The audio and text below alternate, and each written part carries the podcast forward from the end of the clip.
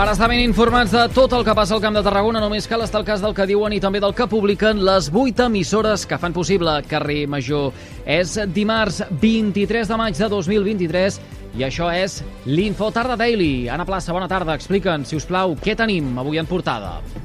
Bona tarda, Eduard. Doncs comencem destacant que ja han començat els tràmits d'expropiació de terrenys a les comarques de l'Alcamp i la Conca de Barberà per on passarà la línia de molt alta tensió, la MAT, promoguda per Red Elèctrica. Aquesta línia de doble circuit i 220 quilovolts travessa els termes municipals d'Aigua Múrcia, Barberà de la Conca, Cabra del Camp, el Montmell, el Pla de Santa Maria, el Pont d'Armentera, l'Espluga de Francolí, Montblanc i Vimbodí Poblet. Afecta finques privades, però també de públiques que depenen dels ajuntaments, de l'Agència Catalana de l'Aigua i de la Diputació de Tarragona. Aquest projecte de línia de molt alta tensió va rebre l'aval de la Generalitat a principis d'enguany. L'Ajuntament de Montblanc és l'únic que hi va presentar al·legacions per minimitzar-ne l'impacte. La resta de municipis no van emetre cap informe. Canviem de tema. Protecció Civil repetirà la prova d'alertes al mòbil a Tarragona, l'Ebre i el Penedès el 13 de juny. Ho vam saber tot just ahir a la tarda. L'exercici es tornarà a fer perquè el primer intent, el 12 d'abril, no va anar bé. De fet, només el 35% de les persones que van respondre a l'enquesta havien rebut el missatge. Protecció Civil va demanar explicacions al Ministeri de l'Interior, que és el responsable d'aquesta eina tecnològica. De seguida el Ministeri va respondre que ja s'havia identificat l'error i que aquest no es tornaria a produir. Ara, amb la prova del 13 de juny a la demarcació de Tarragona, es vol comprovar que realment tot funciona de manera correcta. Més endavant es farà l'exercici que estava previst fer també a Barcelona i la Catalunya Central. En crònica de successos, els hem d'explicar que la Policia Nacional ha detingut a Tarragona un fugitiu de Colòmbia buscat per la Interpol. El cos policial va rebre un avís a l'abril alertant que el fugitiu es podria trobar a la ciutat simulant una vida aparentment normal.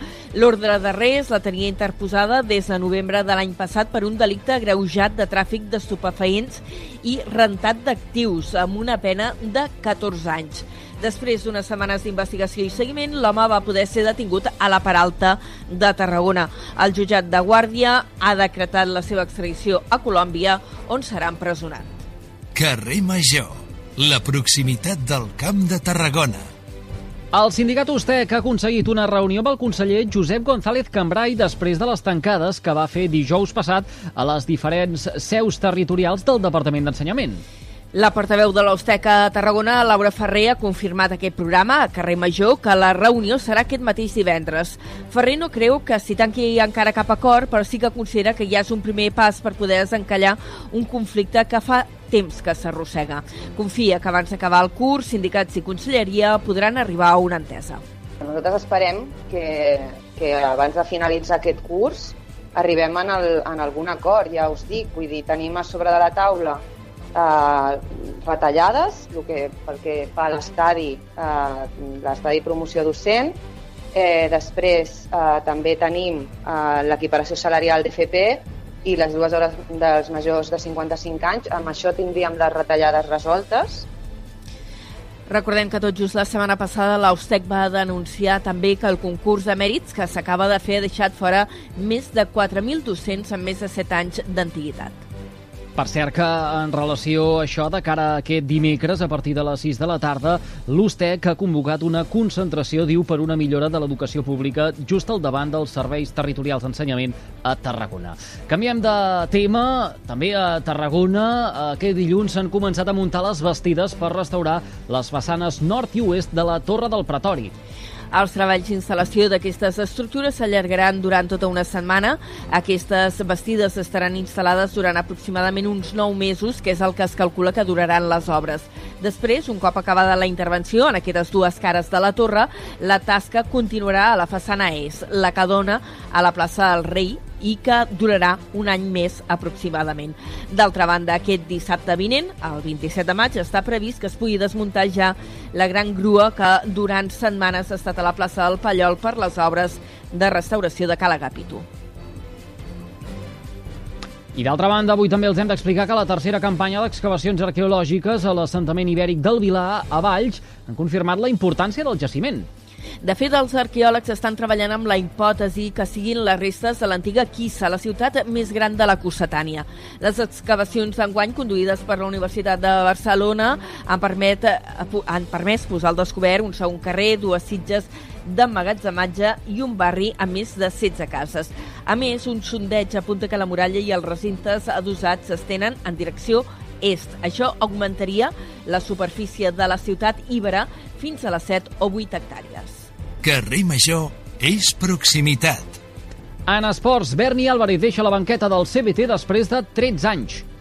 Ara fa un pas al costat per poder-se centrar en la política, ja que recordem formar part de la candidatura eh, del PSC a les municipals de Tarragona.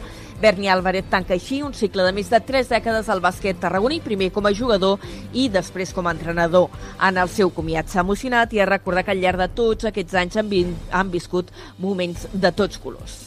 Bueno, ha sigut 13 temporades que hem tingut de tot, hem tingut moments molt, molt durs i decepcionants, eh? renunciar a la plaça de l'Eport, el descens de fa uns anys, les fases del Gestiras, vull dir, no tot, és, no tot ha sigut meravellós, ni molt menys, però he viscut coses increïbles, mm, m'ho he passat molt bé i em quedo amb això, no? Berni Álvarez ha anunciat la seva retirada just dues setmanes després d'haver assolit l'ascens a l'Alep Plata a la fase final de la Lliga EVA disputada a Mallorca. I en cultura hem de parlar del Tetafest de Tarragona que visibilitzarà la tasca social d'una vintena d'entitats. Ara ja fa uns dies que es va anunciar que hi hauria un macroconcert amb actuacions amb Ala Rodríguez, Samantha Hudson i Mabel Flores. Això serà el divendres dia 2, però l'endemà dissabte, el dia 3, hi haurà una fira d'entitats. Montse García és la cap d'àrea d'Igualtat de l'Ajuntament de Tarragona. Este año hemos querido dar toda la mañana protagonismo a las entidades con sus propias acciones sin que pueda interferir ningún artista con, con su actuación. Y bueno, pues eh, 20 entidades yo creo que está muy bien como muestra para, para, que, para que conozcamos todo lo que hacen, ¿no? y las inquietudes y bueno que nos van a poner delante situaciones y problemas muy reales de las mujeres y de las familias. Des de les 10 del matí fins a les 2 del migdia d'aquest dia 3 de juny, els assistents podran gaudir de xerrades i conferències amb temes que van des de la maternitat fins a la interculturalitat passant pels drets humans. Carrer Major, fent camp de Tarragona. Dit tot això, coneguem quin temps tindrem de cara a les properes hores i connectem, com fem sempre, amb el Servei Meteorològic de la xarxa de comunicació local. Lluís Viverez, hola, molt bona tarda. Un dimarts que s'està presentant regirat aquest matí que hi ha enruixats a moltes comarques, després el sol ha acabat sent dominant fins i tot a prop del mar.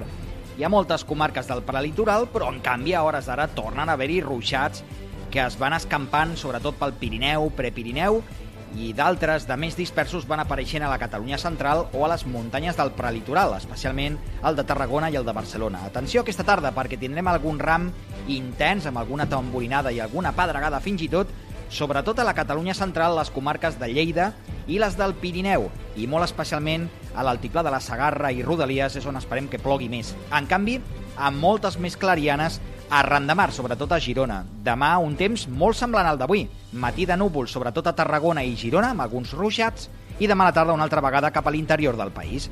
Us seguirem a la xarxa. Ara sí, doncs ho haurem de deixar aquí, Anna Plaça. Gràcies per aquesta pinzellada informativa amb el més destacat de la jornada al Camp de Tarragona. Fins després. Fins després, adeu. I tots vostès poden recuperar l'Infotarda Daily d'aquest dimarts 23 de maig mitjançant les xarxes socials i també els respectius serveis de ràdio a la carta a les 8 emissores que cada tarda passegen plegades pel carrer Major. Gràcies per seguir-nos.